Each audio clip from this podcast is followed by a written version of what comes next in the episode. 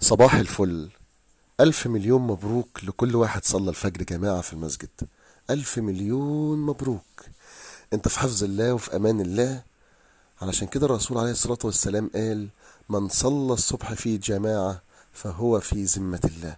في حفظ الله في أمان الله. أنت متخيل يعني تبقى في حفظ الله في أمان الله؟ متخيل تبقى يومك مكمل إزاي وأنت في أمان الله وفي حفظ الله؟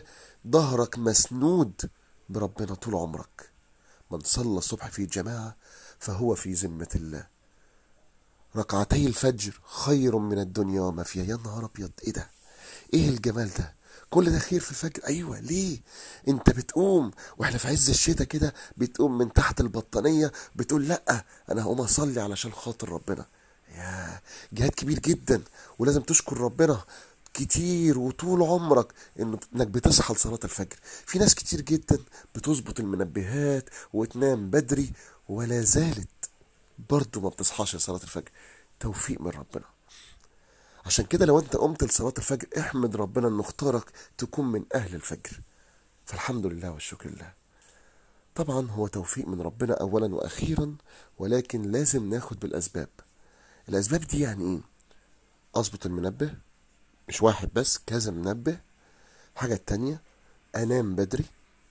حاجة التالتة أدعي ربنا إن أنا أقوم لصلاة الفجر وأحاول أوصل لعقلي. إن شاء الله أنا هقوم الفجر إن شاء الله أنا هقوم الفجر. احاول أردد الكلمات دي شوية بحيث إن عقلي يبدأ يستقبلها ويحاول إن أنا يقنع جسمي إن أنا أصحى برضه في صلاة الفجر. طبعا ده لا غنى إن توفيق ربنا هو الأول والأخير. ولكن بتاخد بالاسباب تنام بدري. آه، بتظبط المنبهات بتاعتك. بتوصي حد يصحيك دي حاجة مهمة جدا لو تقدر تعمل كده. وإن شاء الله تبدأ تصحى لصلاة الفجر. ممكن تسمع الأذان وأنت نايم بس تحس إنك مش قادر تقوم.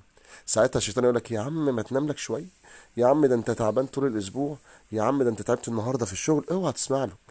أصل ده طريقه هو مش عايزك تقوم أساسا لأنك لو قمت أنت كده بتهزمه. وأنا عايزك تهزمه هزيمه ساحقه ألف مليون مبروك لكل اللي صلى الفجر في جماعة. أو بالنسبة للنساء اللي صلوا في بيوتهم ألف مليون مبروك. وكل اللي ما صلاش عندك مليون فرصة ربنا بيديها لك.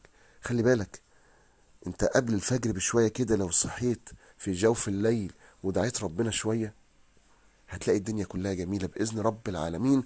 لأنك رايح لمن يقول للشيء كن فيكون. صباح الفل عليكم جميعا.